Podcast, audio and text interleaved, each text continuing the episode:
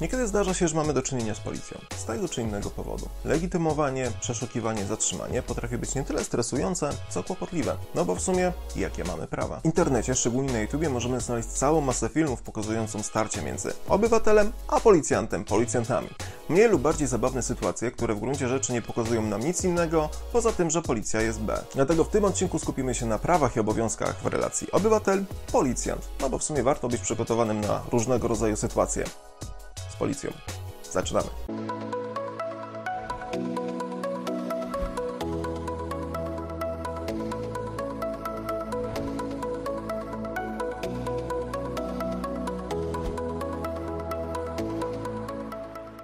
Działanie policji reguluje przede wszystkim ustawa o policji. To w niej czytamy, że do podstawowych zadań tej formacji należy przede wszystkim ochrona życia, zdrowia, mienia, ochrona bezpieczeństwa i porządku prawnego, jak również wykrywanie przestępstw i wykroczeń oraz zapobieganie ich popełnianiu. Natomiast konkretne prawa i obowiązki, które przysługują funkcjonariuszowi policji, reguluje już dokładnie artykuł 15. To właśnie w nim czytamy o legitymowaniu, przeszukiwaniu, zatrzymaniu obywatela. Zacznijmy może od najbardziej powszechnej czynności, czyli legitymowania.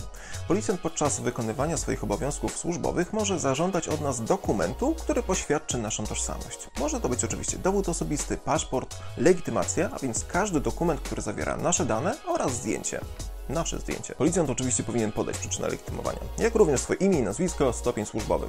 Kiedy tego nie zrobił, możemy od niego tego zażądać. Co ciekawe, jeżeli policjant jest nieumundurowany, możemy od niego zażądać okazania legitymacji w ten sposób, aby przeczytać jego imię i nazwisko. No bo w sumie nie wiadomo, kto nas legitymuje. Wszystko fajnie i cudownie do momentu, kiedy tego dokumentu przy sobie zwyczajnie nie mamy. No bo wyszliśmy po bułki, po browarka do sklepu, no to po co nam w sumie taki dowód osobisty przy sobie? Jeżeli nie mamy dokumentu przy sobie, mamy dwie możliwości. Albo potwierdzić naszą tożsamość przez osobę najbliższą, która akurat z nami przebywa. Mamo, no powiedz im, że ja to ja. Naszą tożsamość może potwierdzić również osoba, która z nami przebywa. Kolega, koleżanka. Oczywiście, o ile została już jej tożsamość ustalona, zweryfikowana przez policję. Co istotne, nieposiadanie przy sobie dowodu osobistego nie jest podstawą do wystawienia mandatu. Grzywną możemy być poczęstowani dopiero wówczas, kiedy tego dowodu osobistego nie wyrobiliśmy wcale. Zatem, jeżeli policjant chce nam wystawić mandat za to, że nie wzięliśmy ze sobą dowodu osobistego z domu, to zwyczajnie tego mandatu nie przyjmujmy. Na to pytanie, czy możemy w ogóle odmówić okazania dokumentu albo podać nieprawdziwe dane. No, pff, można oczywiście nie okazywać dokumentu, przecież żyjemy w wolnym kraju, czyż nie? No tylko w momencie, kiedy powiemy, że żyjemy w wolnym kraju i nikt nas nie będzie legitymował z naszych papierów i w ogóle, no to możemy liczyć się z faktem wycieczki turystyczno-krajoznawczej na najbliższy komisariat policji. Tam nasza tożsamość będzie ustalona. Co więcej, za ten powiew wolności, jak również podanie nieprawdziwych informacji możemy zostać poczęstowani w nagrodę grzywną od 20 do 5 tysięcy złotych. Hm. Skoro legitymowanie mamy za sobą, przejdźmy sobie do kontroli osobistej. Podobnie jak w przypadku zatrzymania, o którym będę mówił za chwilę, policja może dokonać kontroli osobistej. Kiedy następuje taka kontrola osobista? No i w sumie po co ona jest? Podstawą do kontroli osobistej jest przede wszystkim podejrzenie o popełnieniu przestępstwa. W tym momencie policjant nas przeszukuje tylko po to, by znaleźć albo ujawnić ten dowód, który świadczy o tym, że popełniliśmy jakiś czyn karalny. W momencie, kiedy znalazł ten dowód, może ten dowód, tą rzecz nam odebrać. Podobnie jak w przypadku legitymowania mamy prawo znać przyczynę tej kontroli. No bo w sumie skoro ktoś już e, wkracza na naszą przestrzeń, dotyka tu i tam, no to warto by było wiedzieć po co. Co więcej, kontrola osobista powinna być przeprowadzona przez funkcjonariusza tej samej płci w stosunku do osoby kontrolowanej. Jeżeli e, taka kontrola już się odbywa, powinna ona mieć miejsce w miejscu ustronnym, niedostępnym dla osób trzecich. Natomiast jeżeli kontroli podlega nasz bagaż, plesak, torba, walizka, mamy prawo do uczestniczenia przy tej kontroli. Pytanie co w momencie, kiedy mamy zastrzeżenia co do kontroli osobistej, czy też kontroli bagażu. No bo powiedzmy, uważamy, że była niestosowna, że naruszyło to nasze prawa i wolności, no to w takim przypadku możemy złożyć zawiadomienie do prokuratury. I tutaj przechodzimy do tematu przeszukania. Nie mylcie pojęć przeszukania, kontrola osobista, ponieważ to są zupełnie dwa inne pojęcia. W przypadku kontroli osobistej musiało zaistnieć podejrzenie, że popełniliśmy jakiś czyn zabroniony. Natomiast w sytuacji przeszukania musi zaistnieć prawdopodobieństwo, że osoba lub też przedmiot znajdują się w danym miejscu. Przeszukanie odnosi się przede wszystkim do domu, mieszkania, stodoły, komórki, czyli tam, gdzie osoba może się ukrywać albo dana rzecz e, być przetrzymywana. Co ważne, do przeszukania wymagana jest zgoda sędziego lub prokuratora. Oczywiście istnieją wyjątki od tej reguły, mianowicie wówczas, kiedy występuje sytuacja niecierpiąca zwłoki. Co to takiego jest? Załóżmy, że podczas czynności służbowych policjant ściga przestępcę, który akurat mm, wbiegł do jakiegoś mieszkania. Policjant nie musi tutaj czekać na zgodę prokuratora, zgodę sędziego, aby wejść do tego mieszkania, zarządzić tak zwane przeszukanie, tylko może oczywiście wejść, ponieważ to jest sytuacja niecierpiąca zwłoki. Dlaczego?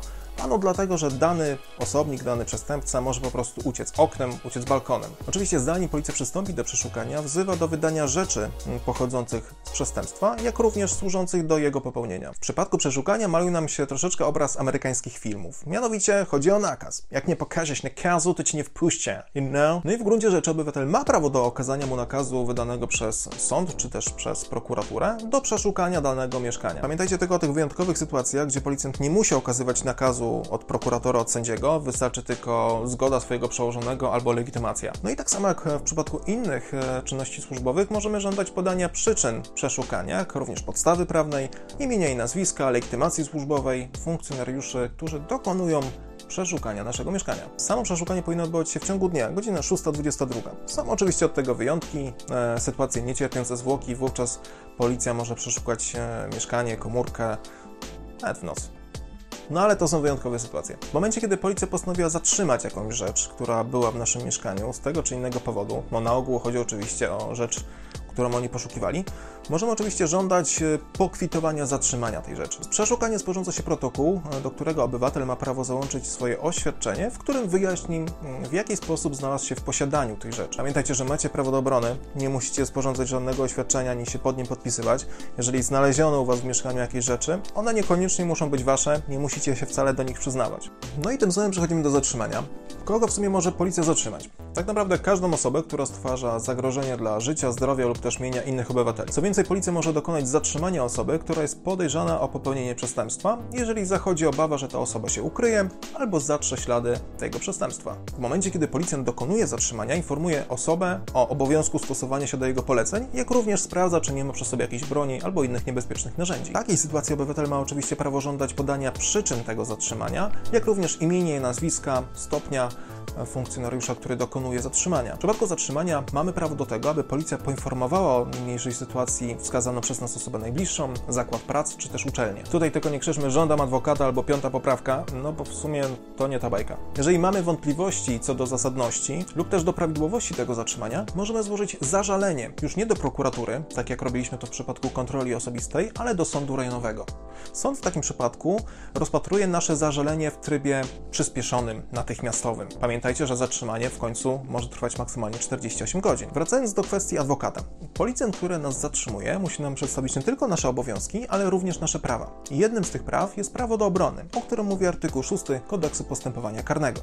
W tym momencie policjant powinien umożliwić e, kontakt z adwokatem, ale może również zastrzec, że będzie przy tej rozmowie. W gorszej sytuacji są osoby, których nie stać na profesjonalnego obrońcę i potrzebują adwokata z urzędu. Tutaj niestety kodeks postępowania karnego nie jest zbyt łaskawy, ponieważ mówi, że o obrońcę z urzędu możemy się starać dopiero w momencie, kiedy jesteśmy podejrzani, a nie zatrzymani. Zatem w kolejnym etapie postępowania. Do tego momentu jesteśmy niestety zdani na samych siebie. Państwo nam nie finansuje obrony. Na sam koniec chciałem poruszyć temat, który jest dosyć świeży, mianowicie chodzi o kwestię nagrywania policjantów. Wypowiedział się na ten temat sam Trybunał Sprawiedliwości Unii Europejskiej. Chodziło tutaj o nagrywanie policjantów, którzy w tym momencie akurat przesłuchiwali no, osobę, która ich nagrywa. Sprawa trafiła do sądu z racji tego, że została łamana ustawa rodowska. Sąd wysłał zapytanie do Trybunału Sprawiedliwości Unii Europejskiej, jak przepisy rodowskie odnoszą się do kwestii nagrywania funkcjonariuszy policji. Jak myślicie, co powiedział Trybunał? Można nagrywać, czy nie można nagrywać?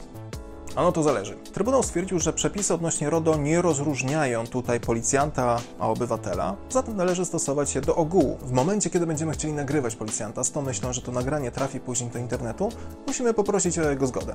No bo w sumie przetwarzamy jego dane osobowe zgodnie z wyrokiem Trybunału. Co ciekawe, Trybunał stwierdził, że taka zgoda nie jest potrzebna dziennikarzowi, o ile działa on w celu rozpowszechniania informacji. Pamiętajcie, że samo nagrywanie nie jest zabronione. Taki filmik może nam się później przydać jako dowód w sprawie, powiedzmy, jeżeli ta sprawa by trafiła później później do sądu.